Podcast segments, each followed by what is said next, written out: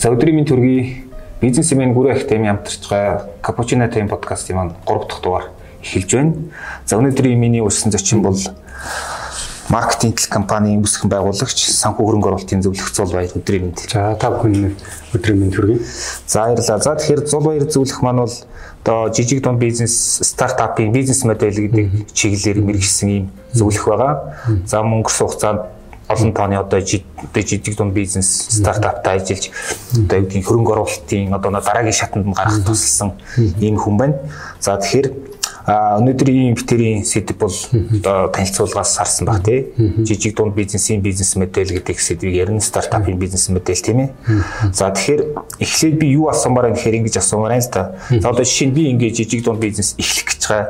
Нэг одоо юм чаддаг тий. Бас ингээд тэр миний чаддаг зүйл тодорхой зах зээл бас байж болох юм тий. А гэхдээ би одоо юу гэдгийг бизнес модель талаасаа одоо ирээдүйд ингээд хөрөнгө оруулалт татахын тулд эсвэл одоо юу гэдгиймтэй ингээд хин нэгнтэй ингээд хамтрах хин нэгэн тийм сонирхол татах санал тавих чадахын тулд бизнес модель талаас би бизнесээ яаж ойлгосон байх хэвээр те. Ер нь би жижиг дунд бизнес эрхлэж юу ойлгосон байх хэвээр те. Урт хугацаанд ингээд бизнес авч явахын тулд эхлээд За юу нэ жижиг дунд бизнес ер нь бол би сүүлийн хэдэн жилүүд компаниудад одоо дараагийн шатанда гарыг бизнесийн одоо өргөжүүлэх гэсэн компаниудад зөвлөх үйлчлэгээ үзүүлээд санхүү хөрөнгө оруулалтын тал дээр тийм ээ шийдэл болоход нь бол ер нь тусалж байсан. Жижиг дунд бизнесийн ангил бол ерөнхийдөө улс орн болгон өөр өөр ангилтай байгаа. Жишээ нь Европын холбооны ангиллаар жижиг дунд бизнесийг 250 сая евроос доош орлоготой 50-аас доош ажилтнтай гэж тодорхойлцсон байгаа.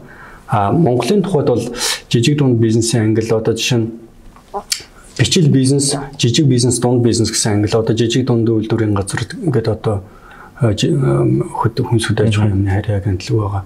А 10-аас доош хүнтэй 300 сая дөрөвнөөс доош жилийн борлуулалттай гэвэл бичил бизнес болчихж байгаа нэг нэг тэрбум хүртэлх борлуулалтын орлоготой юу гэдэг 20-30 хүнтэй ч үгүй юм 10-аас 20 хүнтэй гэвэл одоо жижиг бизнес тийм ээ. За тэгээд 50-аас доош хүнтэй 2.5 тэрбумаас доош борлуулалттай хүн бол дунд бизнес гэдэг юм а тийм ээ. Тэгэхээр улс орн болгон өөр ангилтай саяны хувьд жишээ нь хэдэн жилийн өмнө жижиг дунд бизнес жижиг дунд бизнесийг ангилж байсан англи жижиг дунд бизнесийн хуульч гэж Монгол байгаа Аа тэгээд энэ англи бол магадгүй өөрчлөгдсөн байгаа бох. Ер нь бол э, жижиг дунд бизнесүүдийг яаж дэмжих үү гэдэг дээр бол улс орн болгон өөрсдөө англи гаргаад ингээд тодорхойлцсон байгаа. Монголын тухайд бол тийм англи байгаа. А би бас сая сүүлд нэг олон улсын төсөл дээр ажилласан ер нь бизнесүүдийг яа дэмжих вэ? Уул уурхайн бус экспортыг яа дэмжих вэ гэдэг юм нэг олон улсын байгууллагын төсөл дээр ажиллахад бас зарим сонирхолтой тоо баримт харж ирсэн. Одоо жишээ нь өнгөрсөн 23 оны 23 онд 22 оны одоо бизнес бүртгэлийн тайлан гардаг. Одоо үндэсний статистикийн хороо нус гаргадаг юм бизнес регистр бизнес регистр. За энэ дээр харахад бол Монголд бол ер нь нэг ойролцоогоор 200 мянган орчим аж ахуй нэгж байгаа. За энээс төлсөн тийм. Тий. За энээс үйл ажиллагаа явуулаагүй төр зогссон гэдэг ер нь бол хасаг царайгаад нэг 75 мянган аж ахуй нэгж бол идэвхтэй үйл ажиллагаа явуулж байна. За энэ 75 мянган аж ахуй нэгжээс 65 мянган аж ахуй нэгж нь ер нь бол нэгээс 9 хүнтэй аж ахуй нэгжүүд байна гэж үзэж байгаа. Тэгэхээр бараг 86% ч гэдэг юм уу тийм үү. Тэгэхээр нэгээс 9 хүнтэй одоо нэг хүний компани байлаа гэхэд тэр бүртгэлээ гэхэд нэг тэр хавцаа болох нь шүү дээ. Тэгэхээр Монголд үйл ажиллагаа явуулж байгаа аж ахуй нэгжүүдийн бараг 85 86% нь ингээд жижиг бизнес байна гэдэг чинь бол ер нь хүмүүс хуваарь бизнес эрхэлж байгаа байдал бол ер нь бол тийм байгаад байгаа. За тэгээд хөдөлмөр эрхлэлтийг аваад үзэх юм бол манай Монголд одоо юу гэдэг нийгмийн даатгал төлдөг хүн амын орлого одоо ажиллах чадвартай хүн ам за 1 сая гаруй Монголын хүн ам 3.4 сая шүү дээ тийм ээ.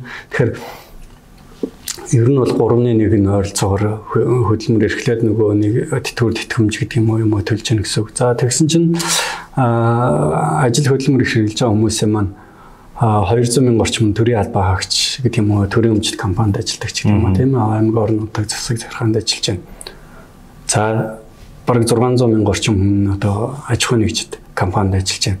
Тэгэхээр жижиг дунд бизнес гэдэг бол ер нь бол Монголын эдийн засагт хөдөлмөр эрхэл талаасаа ч гэсэн тийм ээ аж ахуйн нэгжийн орлого татвар төлдөг байдал талаасаа ч гэсэн нь бол нэлээд чухал гүйцэтгэж байгаа сектор байгаа. За хамгийн гол тулгамж асуудлуудын нэг бол санхүүжилтийн асуудал. Бизнес байнга мөнгөний дутагдaltaд байж байгаа. Энэ яг хөө ер нь бол санхүүгийн онол талаас ер нь байх хэрэгтэй юм. Тэгэхээр аль болох хямд их усүрээр бизнесийг санхүүжүүлж ашиг орлого олох гэдэг шүү дээ.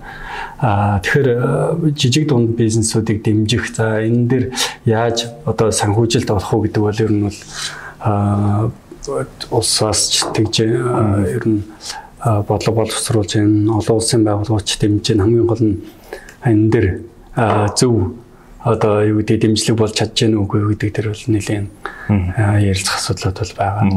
Тэгэхээр бол яг мэдээж одоо мөнгө бол баг угаасаа хэрэгтэй зэ тэрэгт бол тий. А гэхдээ нөгөө нэг яг ингээд одоо хөрөнгө оруулалтын харилцаанд ороод одоо банкнаас зээл авах төсөл бичдэг ч юм уу одоо үүдгийг эсвэл ямар нэг олон улсын байгууллагын грантад одоо материал бүрдүүлэх хийх юм уу. Ингэхээр чинь одоо юу гэдгийг хөрөнгө оруулагч бол одоо тэр хүн яг юу тэр хүнийг бол шалгуурт оруулна шүү дээ.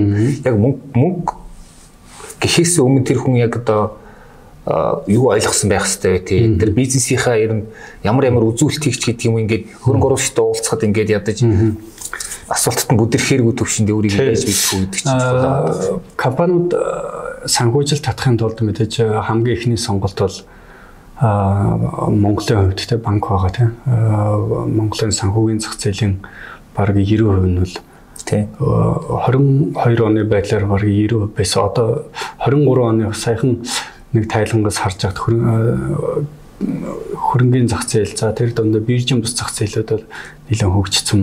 Ер нь санхүүгийн зах зээл дээр жинтэй хувь нэмэр оруулдаг болсон байна. Тэгэхээр банкнд жижиг дунд бизнесүүд одоо санхүүжилт хаагаад хандхад бол э, хамгийн түрүүн одоо бичиг баримтын бүрдүүлэлтийн асуудал, барьцаа хөрөнгөний асуудал хамгийн тулсан асуудал байна. Энэ дээр аа ер нь сүүлийн хэдэн жил ингээд компаниудтай ажиллагаад явж байгаа тийш зарим нь бол шийдвэрлэж болохоор асуудлууд байгаа. Санхүүгийн сахилга бүтээлийн асуудал хамгийн түрүү яригдэн тийм ээ. Бичиг баримт баримтаа одоо яг зээл санхүүгийн шаардлагад нийцүүлээд бэлдэж чадж гэнэ үү? А эсвэл зүгээр шаардлагатай үед юм уу барьцаалаад хувь хүний зээл авдаг ч юм уу тийм байдлаар санхүүжүүлж гэнэ үү? Тэгэхээр олон улсын байгууллагуудын зөвлөгөө, зөвлөмж, за тэгээ шаардлагууд, санхүүжүүлэх шаардлагууд бол бүх юмыг л одоо албачвал бүртгэл тооцоогоо одоо юу гэдэг олон улсын стандартаар хөтөл тийм ээ. За тэр үед бол мэдээж дэмжлэгүүд бол олдноо. Энэ тэр юу гэдэг дотоодын банк санхүүгийн байгууллагууд бол дэмжихэд бол нээлттэй хамгийн гол нь өөрсдөө гэрийн даалгавар аж ахуйн нэгжүүд мэс сайн бэлдсэн байх хэрэгтэй тэгэл тийм шаардлагатай. Гэрийн даалгавраас би зүгээр одоо та түрэн бас бичвэр баримтын бүрдүүлэлтгээ ярьлаа. Би нэг зүйлийг бүр тодтогдоод асууна. Одоо компани дүрм гэдэг нэг бичвэр баримт байгаа шүү дээ тий. А гэтэл одоо зүгээр практик тэр яадаг вөхөр олон хүн ингээ зүгээр нэг юм загвар дүрм энэ тэндээс татаж яваал бөглөөл гараа үсгээ зураад явчихдаг шиг ба. Компани дүрмийг ер нь яг яаж зөв бичих вэ? За би бол нөгөө санхүү хөрөнгө оруулалтын чиглэлээс нь илүү ажилладаг хүн. Компанийн дүрм ч гэдэг юм уу тэр тал дээр бол хуулийн зөвлөх. Энэ ч нөгөө тусгай зөвшөөрөлтэй ажил үйлчлэгээ болохоор хуулийн зөвлөх илүү нарийн тайлбар өгөх бах. Компани дүрм дээр юу заадаг вэ гэхээр хувьцаа эзэмшил хэн ямар шийдвэр гаргах вэ? А гэдэг тийм юмнууд нь бол мэдээж миний ажил үүрэгтэй бол хамааралтай. А компани хувьцаа эзэмшигч байлаа гэж заавал ногдлоо шиг аавна гэдэг юм бол байхгүй мэдээж компани гүйцэтгэх удирдлага хувьцаа эзэмшигчд бол тус тустай ирэх бүх этгээдүүд байгаа. А би яг энэ дээр жишээ авахтаа бол жижиг бизнес дээр ярихгүй байна. Тэр нь бол корпорацийн төвшөнд очсон бизнес дээр бол компанийн төлөөлөө удирдах зөвлөл гүйцэтгэх удирдлага гэж тустай байгаа. Гүйцэтгэх удирдлага тузаас өгсөн шийдвэрийг биелүүлнэ. Биелүүлэхдээ яаж одоо гүйцэтгэлээ сайжруулах вэ гэдэг дээр бол ажилдаг юм байгаа тузын төвшөнд бол мэдээж энэ компани энэ бизнесийг хийх үү хийхгүй юу? Энэ би одоо салбар компани ашигтай ажиллаж байна уу ажиллахгүй байна уу? Татан буулгах уу тийм ээ? Эсвэл юу гэдэг үйлдвэрлэлийн чиглэлийн компани худалдааны чиглэл рүү орох уу? Энэ ч арай өөр төвшний шийдвэрүүд болчиход байгаа байхгүй тэгэхээр бол ажил үүргийн хуваар бол шал өөр. Компани дөрөн дээр бол энийг нь бүгдийг наривчилж зааж өгнө. Мэдээж жижиг дунд бизнес байжгаад корпорацийн түвшин рүү очиход юм илүү нарийн болоод тэрэн тэрэн дээр хуулийн зөвлөгөө хэрэгтэй болон санхүүгийн зөвлөгөө аудитын тайлангууд хэрэгтэй болно гэдэг ингээд юм наривчлаад явна л да. А би өмнө нь бол том корпорац том байгууллагуудад ажиллаж байсан. Тэдний ажил үүргийн хуваарьуд бол маш наривчлан заасан байгаа. Аа тэгээд энэ хэмжээний одоо зардал бүх одоо зөвлөх үйлчлэгээ юмнууд маань зардалтай. Тэгэхээр энэ хэмжээний зардлыг даах хэмжээний корпорацууд байгаа. Аа жижиг дунд бизнесүүд бол одоохондоо бол эрт тийм наривчлсан зөвлөх үйлчлэгээ авахад мэдээж хуулийн зөвлөх үйлчлэгээ хүртэл дотроо олон салж байгаа. Аа хүмүүс санхүүгийн хүн гэхээр их ерөнхий ойлголттой байдаг. А одоо баг бүх юмыг л мэддэг гэж ойлгодог юм шиг байна. Яг л нөгөө инженер эмчтэй адилхан дотроо маш олон төрөлжж байгаа. Одоо юу гэдэг эмч гэдэг зүрх бөөр, ходоод мэдрэл гэд бүгд наривч гэдэг төрөлжөөд мэрэгшээ явж байгаа. Инженерүүд адилхан те дулааны цахилгааны юу гэдгийг цахилгаан электроник инженер гэдэг юм уу а санхүүгийн чиглэл бол бас дотроо татвар нийгмийн даатгалж гэдэг юм уу эсвэл аудит дотоод менежмент хөрөнгө оруулалт тийм ээ а бүр тэрэн дотор зөндөө сална. Тэгэхээр таны хувьд бол одоо яг одоо хөрөнгө оруулалт төр санхүүжилт татах талаас жижиг дунд бизнесийн бизнес модель дээр ажилладаг гэж яг энэ дээр яхад лавшруулаа асуумаар л да. За жижиг дунд бизнес эрхлэгч яг тодорхой нэг зах зээлийг олоод тодорхой нэг одоо ур чадвараа ч гэдэг юм эсвэл нь одоо бүтээгдэхүүн зарах борлуулах ч байгаа тий. А тэгэхээр тэр хүн бол угаасаа бүхнийг мэдэх мэдхгүй бүгдийг мэдэх чадах боломжгүй тий. Тэгэхээр зүгээр яг стратегийн хувьд ер нь яг яаж э, бизнесээ авч явах хэвтэй зөвлөх үйлчлэгээгүй үйлчлэгээгүйгээр бас явах боломжгүй тий. А гэхдээ ямар юм одоо би өөрөө хамгийн сайн мэдэх хэвтэй одоо ямар юм бизнесийн аль чиглэлийг би өөрөө зөвхөн өөрөө хариуцсан тий. А бусдын нэр аутсорсинг одоо зөвлөх янз бүр юмар одоо мөнгийг хүртэл ингээл бусдын мөнгөөр бол бизнес хийж болж байна. А гэхдээ тэр хүн одоо яг бизнесийн ямар юмыг хамгийн сайн мэдэх ёстой байдаг вэ тий. Тэр бизнесийг. А бизнес модель санхүүгийн модель гэж хоёр тустай юм байгаа. Бизнес модель болохоор энэ бизнес маань зах зээлийн эрэлт хэрэгцээг хангаж байна уу?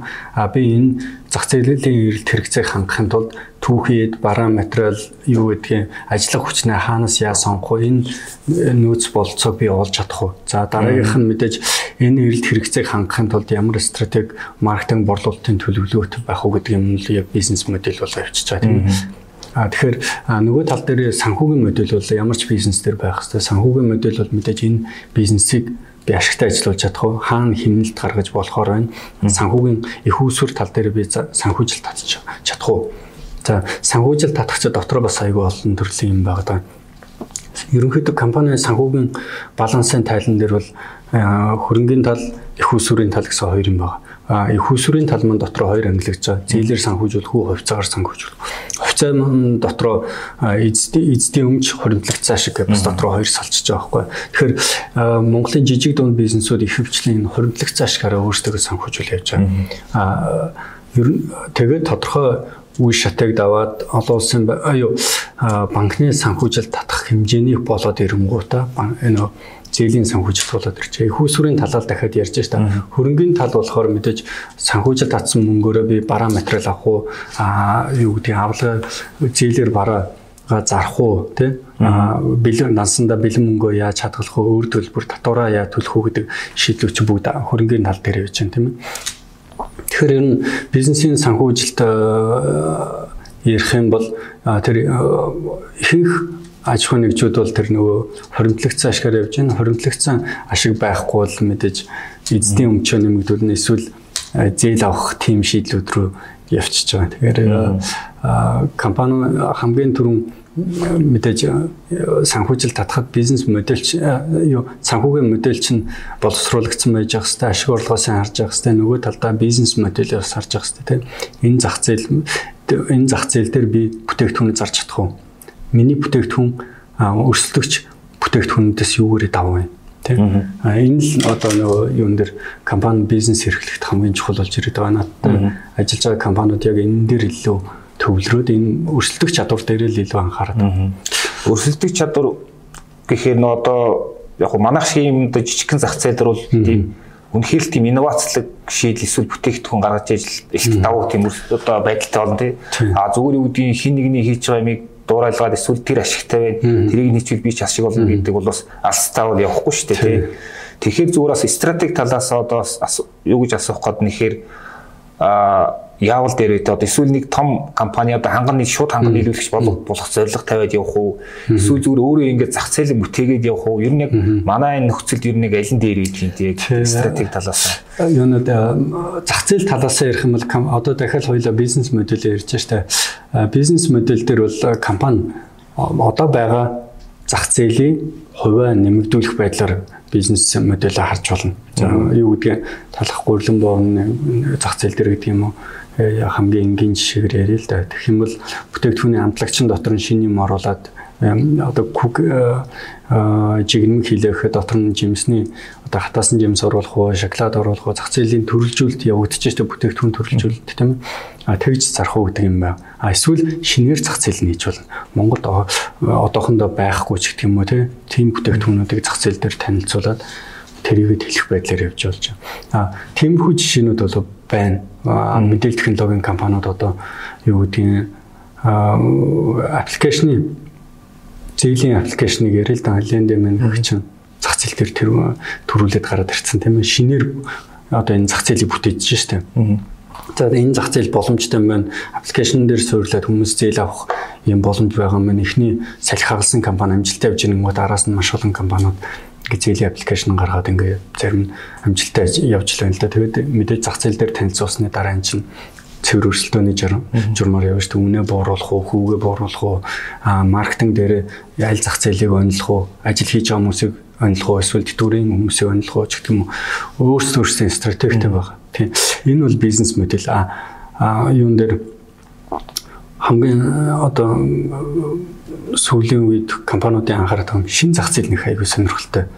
Огт Монголд хүмүүс анзаараагүй юмыг л шинээр санаачлаад энэ дээрээ төрүүлээд ороод ирэх юм бол энэ зах зээлийн боломжууд бол байна. Технологийн компаниуд энэ дэр маш сайн ажиллаж байгаа. А юун дээр одоо байгаа зах зээлийн боломжийг хараад ийм бүтээгдэхүүн одоо борлуулах юм бол илүү зах зээлийн эрэлт хэрэгцээг хангах юм байна гэдэг юм бол одоо байгаа зах зээл дээр л ажиллаж байгаа зах зээлээ томруулж байгаа бизнес модель байна л да.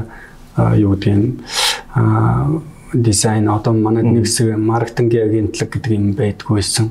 Одоо тэгэхэд маш олон маркетинг агентлагууд бий болж штэ хийж чаддаг юм юу гэдгийг а өөрсдийн чаддаг юмроо төрүүлж явж байна. Видео контент хийдэг бол видео контент, график дизайн бол байж байна. Сошиал медиа контент хийж байна. Бүгд маркетингийн одоо ажил үйлчилгэн зах зээл бол байна. Том групп компаниуд өөрсдөө хийхээс илүү чадвартай мэрэгжлийн компаниар маркетингийнхаа ажлууд ажлуудыг хийлгүүлж байна. Тэгэхээр энэ бол байгаа зах зээлийг томруулаад хэдүүлээ өөрсдийнхөө чаддаг мэддэг юмор энэ зах зээлийг хуваагаад авъя л гэсэн тийм юм байгаа байхгүй. Аа стартапууд дээр бас ярих зүйлүүд асуух зүйлүүд байгаа даа л та юу гэхээр дижитал бүтээгт хөгжүүлэгч одоо зүгдгийг тийм уламжлалт бүтээгт хөгжүүлэх бас нэг арай өөр байгаа дах шиг байна тий. Стратеги өвдөж ч өөр бизнес модель тэр дотор бизнес модель нь арай өөрөөр явах хэрэгтэй байгаа тий. А дижитал бүтээгтэн хөгжүүлэхэд ер нь бас анханасаа бас юу юунд анхаарах хэрэгтэй гэдэг. Тэг яг хуу би яг санхүүгээр мэрэгсэн хөрөнгө оруулалт компани үнэлгээр хөрөнгө оруулалт татахын тулд үг шүү дээ. Технологийн компаниудтай бол ажиллаж байгаа. Тэгэхээр технологийн компаниуд дээр анхаарах хэвээр юм гэвэл ер нь бол зах зээл мань хил хязгааргүй болцсон байгаа. А тодорхой хэмжээний эрэлт хэрэгцээ юм дотоодын зах зээл дээр тестэлж үзээд ажиллаж ивэл эн чинь бусад олон улс дээр ажиллах боломжтой байгаа байхгүй. За манай дахиад нөгөө салхиалагчаа ярихад а юу гэдэг манай одоо амжилттай явж байгаа одоо энэ технологийн компаниуд байна те Lendem жишээ нь Филиппиний зах зээл дээр гарч ирсэн. Финтекээс албасан явж байгаа. Тэгэхээр тэд нар бол юу гэдгийг заавал монголоор хязгаарлагдах шаардлагагүй дижитал бүтээгдэхүүнүүд төр бол тийм давуу тал харагдаад байгаа. За тэгээд одоо хүмүүс тодорхой залуу үеийнхэн залуучууд бол маш сайн мэдж байгаа. Одоо энэ метаверс орчин гэдэг юм байгаа тийм. Энэ дээр бас амжилттай явж штэ компаниуд заавал монголоор хязгаарлагдахгүй технологи мэдээлэл технологийн зардал бага юу гэдгийг хэрэглэн өндөр Азийн орнууд руу чиглэсэн юм метаверс орчны бүтээгдэхүүнүүдээ хийж болж байна. Гэх мэтлэн дижитал одоо компаниудын технологийн компаниудын хувьд бол маш олон даваа тал харагдаад байгаа.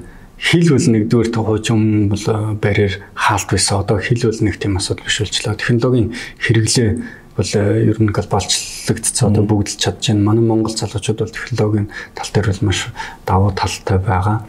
За тэгээд стартап компаниуд дээр ялангуяа юм хурцсуур хөтөлбөрүүд бий болцсон тийм ээ. За энэ бол мэдээж санхүү хөрөнгө оруулалт тал дээр ч дэмжлэг үзүүлж чадж байна сургах тал дээр ч дэмжлэг үзүүлж чадж байгаа Монгол компаниуд маань Азийн бусад одоо хөгжиж байгаа улсууд дээр очиод хурцсуу хөтөлбөрт хамрагдаж чадж байна гэд энэ тал дээр бол ер нь боломжууд бол нэлээд боломжууд гэснээс ер нь яг зөвхөн одоо банкны зээлээс гадна ялангуяа стартапуудын хувьд санхүүжилт татах өөр ямар боломжууд байна? Тий. Дахиад санхүүжилт тал руу эргээд ярихад компаниуд хамгийн түрүүн хэлсэн тийм ээ өөрсдөө хоримтлагцсан ашгаараа санхүүжилж болоод ингээд тулаад мөнгөнд тулж банк руу явж байгаа юм дуустдаг тий. За тэгээд дараа нь банк руу явж байгаа. Банкны шаардлага бол барьцаа хөрөнгөний асуудал байгаа. Эсвэл технологийн давуу тал оюуны өмч хамгаалт гэдэг юм. Өөр дахин газар дахид автагдчихгүй ч гэх юм уу тийм. Ямар нэгэн тийм өрсөлдөх тийм чадвар байх юм бол банкны зээл бол санхүүжилтээ олгож байгаа. А тэгэхээр банк бол илүү тийм уламжлалт санхүүгийн институт хадгаламж эзэмшигчдийн мөнгөөр одоо зээл олгож байгаа тийм ээ. Тэгэхээр тэр бас нөгөө талдаа хадгаламж эзэмшигтийг хамгаалахын тулд ямар нэгэн байдлаар барьцаа юм хэрэгтэй болчиход байгаа. Тэгэхээр технологийн компаниудын хувьд бол банк яг одоо Монголын төвшөнд бас тийм шилдэг бас сонголт биш харагдаад байгаа. Тэгээд ялангуяа гарааных дээр өөрсдийн өмч байхгүй. Монгол бас нэг сул хөгжөд байгаа юм оюуны өмч хамгаалт бол нэлээд сул байгаа. Мэдээж оюуны өмч газар бичиг баримтаа бүртгүүлээд өгөн 6 сар хэдэн сарч хүлээд юм. Тэр хооронд цав хугацаа явж ийн ижил төстэй компаниуд гарч ирж болно. Маргах нэлээд төвөгтэй. Тийм ээ оюуны өмч маргаан бол нэлээд цаг хугацаа авах байх. Тийм ээ. Тэгэхээр компаниуд одоо юунд хандж ийн нөхөр баруунд бол angel investor-ууд гэд байдаг тийм ээ ер нь эрсдэлтэй хөрөнгө оруулалт эхэлж хийгээд ингээд томруулалт тавьдаг. Тийм шийдлүүд байж болж байна. Эсвэл тодорхой амжилтын тодорхой түүхээ харуулад venture capital компани буюу одоо мэрэгсэн ийм эрсдэлтэй гарааны компаниуд хөрөнгө оруулалт институтсууд байгаа тэднэрт бас хандаж болж байна. Монгол тэр нэг хэрэг хөгжиж байна. Монгол venture capital компаниуд цөөхөн байгаа. Тэгэхдээ өөртөө хажуудаа хурцсуур хөтөлбөртэй ч гэдэг юм уу тэгээд эхний ээлжинд жоохон бойжуулж байгаа тодорхой хувийг нь аваа тэгээд цаашаа дараагийн шат руу гаргадаг тийм компаниуд бол байгаа. А тэрэнд хамрагдахын тулд мэдээж компаниуд өөрсдийнхөө концепт proof гэдэг юм байх хэрэгтэй. Тэр нь бол энэ одоо санаачлаад хийгээд байгаа бүтээгдэхүүн маань зах зээл дээр борлогдно гэдэг л баталгаа хэрэгтэй болчиход байгаа юм байна. Аа тийм компаниуд бол мэдээж venture capital компанид хандаж болно. Venture capital-аас өмнө angel investor гэдэг юм эрсдэлтэй хөрөнгө оруулалтыг эхний хэд хөрөнгө оруулалт хийдэг тийм хүмүүст л ер нь бол хандах хэрэгтэй болчиход байгаа байхгүй. Тэр хүмүүс зөвшөөрж ийн гэдэг чинь venture capital компани зөвшөөрөх магадaltaй. За тэрний дараа мэдээж банкны зээл гэдэг юм хэрэгнэ. Санхүүжилт авахд бол хэд хэдэн үе шат байгаа. Компаниудын за гарааны эхний үе за бизнес бүтээгдэхүүн хөгжүүлэлттэй үе, mature буюу яг одоо зах зээл дээр ингээд тестлэгдээд борлогдож эхлэх үе, тэгээд юу гэдгийг тогтворжилттэй үе decline буюу одоо буурах үе гэдэг бүтээгдэхүүний амьдралын насжилт байгаа байхгүй компанич дээр. Тэгэхээр манай ихэнх компаниуд бол ялангуяа технологийн компани гарааны үе дээр ингээ явж байгаа. А манад институт институцийн хөрөнгө оруулагчид маш цөөн. Аа тэгээд санаагаа алдах бас магадлал маш өндөр. Ижил төстэй компаниуд бас байж байна. Хүмүүс хамтарж аваад за би боллоо гэд нөгөө хамтрагч маань салаад явлаа яг ижил төстэй юм хийгээд ингээ явцдаг байхгүй. Тэгэхээр оюуны өмч хамгаалтын асуудал нэлээд монголчууд тулсан ялангуяа стартап компаниудад тулцсан асуудал байгаа. Тэгэхээр яг одоо нөө стартапын маань экосистем нэг үеуд бол бас арай гайгүй болцсон бас ингээд төрөл бүрийн хурцсах хөтөлбөрүүд ардаа ингээд венчур тодорхой венчур сантай тийм тэгээд тодорхой хувийг нь аваад ингээд хөрөнгө оруулалт хийгээ явдаг. А гэхдээ юу асуух нэхээр одоо хөрөнгө оруулалтын харилцаа гэдэг нэг айгүй чухал сэдв байгаа даа тийм одоо юу гэдгийг тодорхой хилцэл явагддаг те. Тэгээд тэрэнд юу нь яг яаж өөрийгөө хөрөнгө оруулагч одоо ойл зөв ойлгуулах уу те. Тэгээ бас ямар хилцэл хийлүүл үр дүнтэй байх уу гэдэг тийм юу анхаарах хэрэгтэй байна. Хөрөнгө оруулалтын харилцааг нь яаж авч явах вэ гэх гээд. Яг ингээд мөнгөтэй үнэтэй харилцаа харилцаа эхлэхэд тэр бол ингээл тийм манай Монголын надтай ажиллаж байсан за ер нь телевиз радио янз бүрийн сошиал медиагаар ч харж байгаа компаниудыг харж байхдаа түгээмэл ер нь сул талууд харагдаад байгаа. Гой гой бизнес санаа байж гэн гой бүтээгдэхүүн байж гэн зарим концепт буюу тэр бүтээгдэхүүн зарагдах магадлал сайн туршигдаагүй орлого болж байж байгаа. За маш олон сул талууд байж идэг мөртлөө мөнгө хайгаа явж идэг санаагаа алдах магадлал нэлээд өндөр байдаг.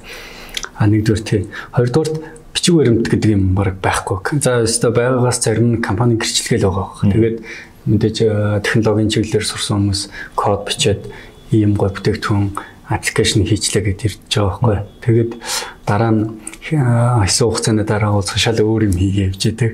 Нөгөө санаагаа за энэ орхицсан тий а жоохон ингээ ухаа бодоод үзэхэд бүтээгдэхүүнүүд нь бол дэмжлэг авахаар зах зээлийн эрэлт хэрэгцээ хангацсан ер нь байж болохоор бизнесүүд байна. Тууштай биш шүү. Жоохон байж шал өөр санаа толгойд нь ороод код бичээд өөр юм хөгжүүлээ явчихдаг. Тэгэхээр э, санхүүж үнэхээр энэ бизнес санаадаа ихтгэл үнэмшилтэй байвал тэрийг ямар нэгэн байдлаар бичиг баримт болгоод буулгах хэрэгтэй. Сан бизнес нь зах зээлийн ямар эрэлт хэрэгцээг хангаж байгаа судалсан байдал өрсөлдөөний орчин тийм ээ. За эхний жилийн борлуулалт ямар байх вэ? Хоёр дахь жилийн борлуулалт бүтээгдэхүүн технологийн бүтээгдэхүүн баг эхний жил 2 ер нь бол нэг 2 3 жил бол алдагдaltaй явна. Борлуулалт байхгүй. Зах зээл дээр бол танигдах байдлаар хөгжин. Тэгэхээр тэрийг хүлээн зөвшөөрөх хөрөнгө оруулагч хэрэгтэй. А ер нь бол ямар одоо Монголд санхүүгийн зардал бол нэлээд өндөр байгаа. За бодлогын төв банкны бодлогын хөв 13%тэй. Дээрэс нь үйл ажиллагааны зардал банкар ярил л да тийм үйл ажиллагааны зардал эрсдлийн нөөц. За дээрэс нь ашигын маржин гэдэг нэмэнгүүд 13 чинь компани зээл бол одоо очихдоо дор хаяж 18% болчиход байгаа байхгүй. Тэгэхээр 18%-ийн ер нь одоо дор хаяжл өгөөж өгөхгүй бол ямар ч хөрөнгө оруулалт ер нь утгагүй болчиход байгаа байхгүй эрсдэлтэй стартап компанид 13 13%-ийн хүүгээр хичээлдэг 15% өгж байгаа зүгээр банкнд хадгаламжинд хийчихлээ. Банк бол байж лэн би жилийн дараа гэхэд 16% өгөөж авнаа. Хөрөнгө оруулагчийн хувьд айгүй ойлгомжтой юм байгаа байхгүй. Их олон юм бодох шаардлагагүй тэр компани бизнес зах зээл орчин. Тэгэхээр тэр хүнийг яаж ихтгэл үнэмшилт хөрвүүлж бизнестэй хөрөнгө оруулах вэ гэдэг чинь айгүй чухал юм болчиход байгаа. Стартап компанийн тухайд стартап компаниуд түрүүн би хэлсэнтэй зарим залуучууд стартап эхлүүлээ явж байгаа хэсэг хугацааны дараа шал өөр юм хийцээ явж байна. Тэд нар чинь өөрсдийнхөө нөгөө концептимиг цаасан дээр буулгаагүй өөрсдөө ихтгэл үнэмшил байхгүй учраас энэ чинь фейл. Энд дээр яг бол би шууд өндөр багт. Чи тодруулаасаач мань нөгөө санхүүгийн эмх зэгцгээ нэг чухал асуулт байгаа шүү дээ. Ер нь хөрөнгө оруулагч дээр очиод одоо очихын тулд эхнээсээ санхүүгөө яаж зэгцтэй авч явах вэ? Гол санаж явахгүй 2 3 зүйлийг та хэлээч. Тий санхүүгийн хувьд хөрөнгө оруулалтын хувьд ер нь бол санхүүжилт татахад хөрөнгө оруулалтын пич гэдэг юм хэрэгтэй байдаг байхгүй. Пич бол мэдээж энэ бизнес хэн хийх гэж байгаа яг ямар бүтээгдэхүүн хийх гэж байгаа зах зээлийн боломж юу вэ? Борлуулалт ч ямар байх юм? За эх 3 жилийн санхүү орлогын тайлан гин төсөөл За тийм. Тиймэрхүү юмнууд за зах зээлийн боломж өрсөлдөөнөө бол тодорхойлно тэр бичиг баримтанда. Тийм. Тэр тийм бичиг баримтаас бүх юм эхлэн л дээ. Тэгэхгүй нэг код бичсэн аппликейшн бариад ямар ч хөрөнгө оруулагчтай уулзсан 2 цаг яриад тэрэнд тийм хурдан санхүүгийн шийдвэр гарахгүй л дээ. Тэгэхээр хамгийн багадаа тэр одоо хөрөнгө оруулалтын пичэ бэлтээд бид нар ийм зах зээлийн эрэлт хэрэгцээг хангах гэж байгаа юм байна. Өрсөлдөөний орчин юм байна бүтээгдэхүүний маань зах зээлийн үн юм байна. Үнийн бодлого бас маш чухал. Сансрын амьдралгүй үн тавьчаад энэ бүтээгдэхүүнийг зарна гэдээ явбал энэ чинь үн ер нь бол үнэн шүү дээ тийм ээ. Тэгэд компани бизнесээ санал болгоод санхүүжилт татах чавал бодит байдалтай ер нь бол эвлэрэх хэрэгтэй тодорхой хүмүүс санал болгож байна тэрэн дээр маш одоо хүлэн зөвшөөрөх байдлаар хандах хэрэгтэй. Яа тэгэхээр одоо хөрөнгө оруулагч нь 51 гээл ихт орж ирдэг шүү дээ. Яг тэрэн дээр юу яг яаж хандах вэ? Хэд хэдэн хувь гэдэг дээр бол ер нь яг миний хувьд бол яг тэд гэж хэлэх бол зохимжгүй. Яг тэгэхээр зах зээлийн үнэлгээ бүх юм шийдэгд нь хідэн төгрөг хэрэгтэй байгаа гэдэг чинь аюул чухал байгаа байхгүй. Аа олон улсын жишг байна л да. Аа саяхан бас би нэг стартап компаниуд ер нь ихний хөрөнгө оруулагчтай хэдэн хувиар санал болгодгийг тэрийг нь харж ирсэн. Тэгэхээр ер нь бол нэг тухайн мөнгөнийхөө хэрэгцээнээс шалтгаалаад санал болгож байна. Дунджаар бол ер нь 20% санал болгох юм лээ. За тэгээ стартап компани үе шат их сонирхолтой байгаа. Компани эхний angel investor буюу одоо компани хөрөнгө оруулагчдад хэдэн хувиар санал болгоод хамгийн сүүлд хэдэн хувиар хөвтэй үлдэх юм бэ гэдэг чинь хүмүүсийн хувьд аюул сонирхолтой байдаг байхгүй. А эхлээд хүмүүс л гоё санаа оронгууд ганцаараа 100% байж. А за тэгээд юм одоо эхлээд IT-ийн компаниг ярил л да код бичих гэхээр хүн ганцаараа хүний бүгд л адилхан 24 цагтай тийм ээ. Тэгэхээр бүх юмыг өөрөө хийж чадахгүй. Энд маркетингдээ санаа зовмоо тавьмаар байдаг, санхүүжилтэндээ санаа тавьмаар байдаг, кодо бичмээр байдаг. Хүнтэй хамтран. За хамтрагч 50 50% болчлоо тийм. За тэгснийхээ дараа 50 50 хүмүүстэй нэг бас өөрийнх нь санааг ойлгох хүнтэй хамтраад ингээд болчлоо, хувь эзэмшлээ тохирчлоо. За тэгээд жоохон явж исэн чинь дахиад мөнгө хэрэгтэй болно. За тэгэнгүүт хэн хандхуугингууд институцийн хөрөнгө оруулагч бол тэр хол байх хэрэгтэй. Тэгэхээр за хамгийн түрүүн ойр мэдэх ах トゥ тийм ээ хамаатан санд нь найз нөхдөсөө санхүүжилт асуун тийм ээ хамгийн ойрын хүмүүсээс асууж эхэлнэ юм. За мэдээж хоримтлагцсан ашиг гэж байхгүй борлуулагдаж бүтээгдэхүүн маань зарагдаж эхлэегүй байж байна амжилттай байх хэсэг нь бас л эргэлзээтэй тийм. Тэгэхээр хүн санал болгоно. За тэр үед мэдээж түрүүний хэлсэн дундаджаар нэг 20% санал болгож. За 50 50 байсан маань 20% санал болгонгуудаа юу гэдгийг 40 40 боллоо тий. Ингээ явна тий. За тэрнийхээ дараа эхний одоо юу гэдгийг найз нөхдөйгөө оруулаад ирлээ 3 хувьцаа эзэмшигчтэй боллоо. За тэрний дараа эхний angel investor-ууд буюу жинхэнэ нөгөө ашиг харсан хөрөнгө оруулагчид хандаж эхэлнэ. Тэр нь бол мэдээж айхтар хэдэн 100 сая яригдахгүй. За Америкт юм уу барууны ертөнцид бол хэдэн мянган сая доллараар яригдах хөрөнгө оруулалт хийхгүй байхгүй. Тэгэхээр хэдэн зуун мянган долларын хувьд бол ярьж болж байгаа 50 мянган доллар ч гэх юм уу тийм. За angel investor ороод ирэнгүүт дахиад нөгөө 40% маань буураад ирнэ. За түрүүний эхэлж орсон найз нөхдийн 20% маань ч бас буураад ирнэ тийм ээ. За тэгээ шинэ хөрөнгө оруулагч орж ирлээ. Angel investor орж ирлээ. Angel investor бол за иймэрхүү стартапт хөрөнгө оруулалт оруулаад туршлагатай болсон тийм ээ. Бас нэг 2 3 компаниудыг зараад эхний хөрөнгө оруулалтаа гаргаад авсан туршлагатай мэрэгжлийн хөрөнгө оруулагч байгаад байгаа байхгүй. Тэгэхээр за тэр маань орж ирэнгүүт бас хувь маань багасаад явчихна. За тэрний дараа venture capital фирмүүд буюу арай том хөрөнгө оруулагчд ороод ирж байгаа тийм ээ. За тийм үед бол арай компани үнэлгээ яригдаж эхэлнэ. Компани борлуулалтын орлого маань бодиттой болж ирнэ тийм ээ. Concept proof буюу энэ санаа маань мөнгө болох боломжтой гэдэг нь илүү ойлгомжтой болоод ирж байгаа. За энэ үед банкнаас зээл авах шаардлага хангаад ирнэ тийм ээ. Тэгэхээр нөгөө компани түрүүн ярьжсэн хөрөнгөний тал, их усүрийн тал гэдэг юм дээр шинэ юм нэмэгдэж орж ирж байгаа. Тэгээ зээл гэдэг юм орж ирж байна. Доотлолт нь эзэдийн өмч гэдэг юм байгаа тийм. За тэгээд тэрний дараагийн үе шатнд болоод ирэнгүүт жинхэнэ стартап компаниуд дээр Series A, Series B, C гэдэг ийм цуврал хөрөнгө оруулалтууд ороод ирнэ. Тэр үед хувийн санал болгож ирнэ. Тийм ээ. За тэгээд эцсийн шат бол мэдээж компани өөрсдөө хүсэх юм бол IPO гэдэг юм яригдэн тийм ээ. Олон нийтийн өмч тэр үед бол анх үүсгэн байгуулаад 100% хөрөнгө оруулагч маань олон улсын дунд ярьж шүү бэ. Тэгэхэд нэг 17% л үлддэг юм л дээ. Тэгэхээр нөгөө 100% маань 17% болтлоо маш олон шат амжилга энэ магадгүй 5 жил шаардлагдан 10 жил шаардлагдан. Стартап компани тийм ээ түрүүн би өс дурдсан а 10 компани энэ жил байгуулаглаа гэхэд 10 жилийн дараа 7 компани дампуурсан. 3 компани цааш. Тэгэхээр бол дүүсгэн байгуулагч юу ойлгох хэрэгтэй гэхээр за 10 жилийн дараа бол энэ компани бол миний 100% байх нь бол угаасаа бүтэхгүй. За би нэг 20% 17% та байхад бол болно гэж л анханаас бодох хэрэгтэй юм шүү дээ. Энэ олон үе шатыг дамжсны дараа. Тэгэхээр одоо цаг байгаа учраас нэг ганц хоёр асуулт асуугаад подкаст өндөрлөе гэж бодож байна.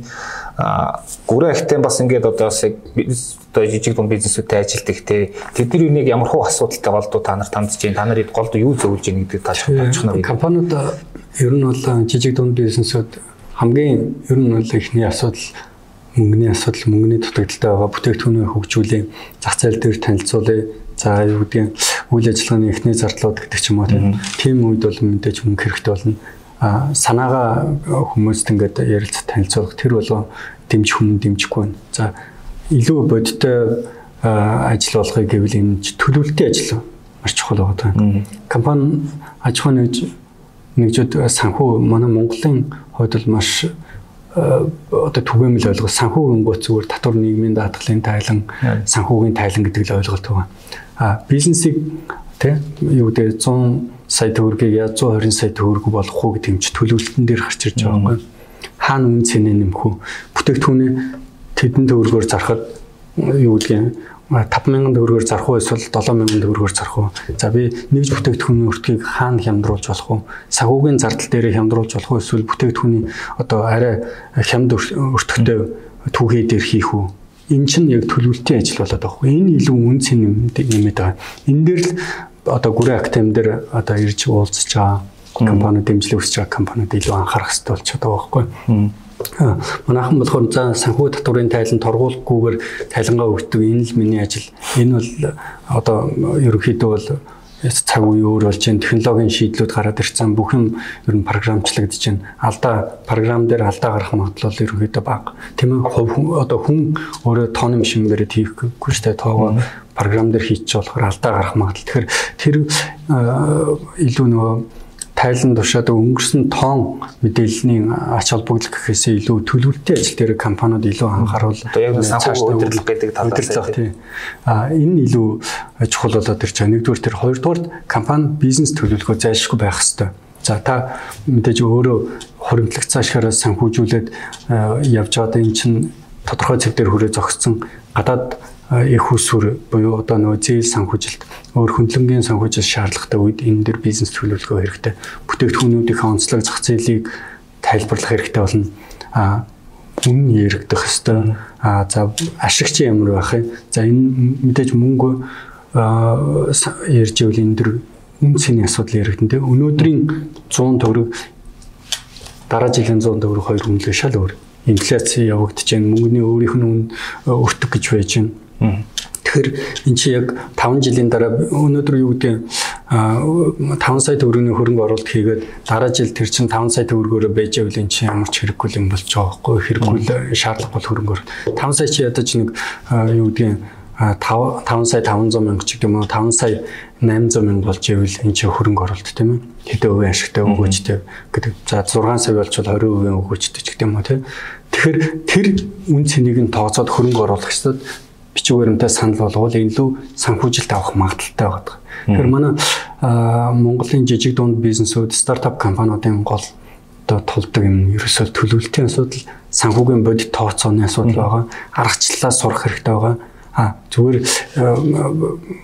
юу гэдэг орлогоосоо зарлаа асаад ашиг гэдэг бол аюу гинэн ойлголт энэний чинь маш олон юм байгаа борлуулсан бүтээгдэхүүний өртгөө хасаа бохор ашиг тий бохор ашигаас үйл ажиллагааны зарлаасаа цэвэр ашиг тийм ээ. За цэвэр ашигыг чинь өмнө илэгдэл хорголын зардал гэдэг маш олон юмнууд шүү дээ. Энийг чинь төлөвлөж бас болж байгаа байхгүй? Зарим нь татвараас чөлөөлөгдөх зардал гэж байж байна тийм ээ.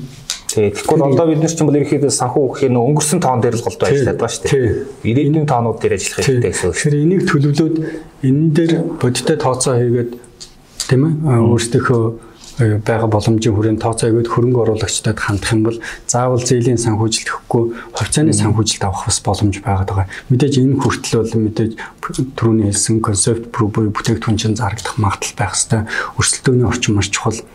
Маш ширүүн өрсөлдөөнтэй орчин орчинд одоо бизнес хийн гэдэг одоо хамгийн энгийн жишээ технологийн компаниуд цахилгаан а одоо юу гэдэг гар утасны компани руу нэг стартап орно гэвэл одоо бол баг боломжгүй болж байна шүү дээ. Аль хэдийн Mobicom, Unitel, Skytel одоо шинэ компаниуд ингээ ондоо өрсөлдөө маш ширүү явагдаж байна. За тэгээд юу гэдэг худалдааны салбар гэх чи одоо юу гэдэг Mart номин одоо юу гэдэг байшингийн болон болгонд одоо CU GS25 пэйж гэдэг ч юм уу тий. Тэгэхээр өрсөлдөөний орчныг маш сайн судлаад манай бүтээгдэхүүн зарагдана болно үйлчлэгээч ялгаагүй шүү дээ.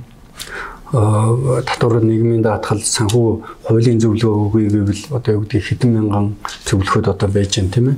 Аа тэд нар харин мэрэгсэн чиглэлүүд нь өөр байгаа. Хуулийн зөвлөгөө гэх дотор оюуны өмчин ч гэдэг юм уу бизнесийн маргаан зарим нэрүүгийн хэрэг гэдэг ингээд бүгд хөрөлжсөн байгаа байхгүй. Тэгэхээр өрсөлдөөний орчноо маш сайн судлах хэрэгтэй.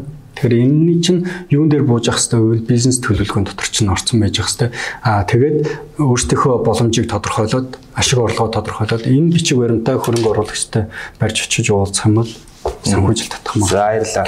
За тэгэхээр подкастын Cappuccino Time подкастын 3 дахь дугаарыг ингээд өндөрлөе.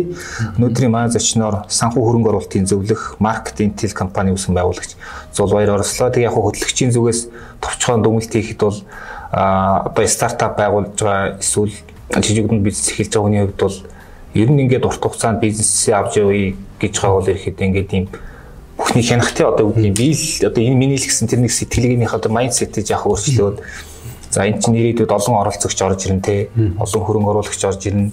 За тэгээд урт хугацаанд яг үгүй тиймэрхүү юм гэсэн ойлгочих хэрэгтэй юм шиг байна.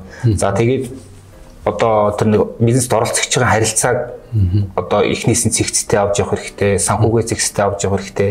Оюуны өмчийн хамгаалтуудыг сайн хийдэг юм уу? Иймэрхүү зүйлүүдийг анхаараасаа гэдгийг зүгээс санаад нэмэлт гэж байгаа. Ингээд тань манай подкаст оролцсон баярлалаа. За баярлалаа. За баярлалаа.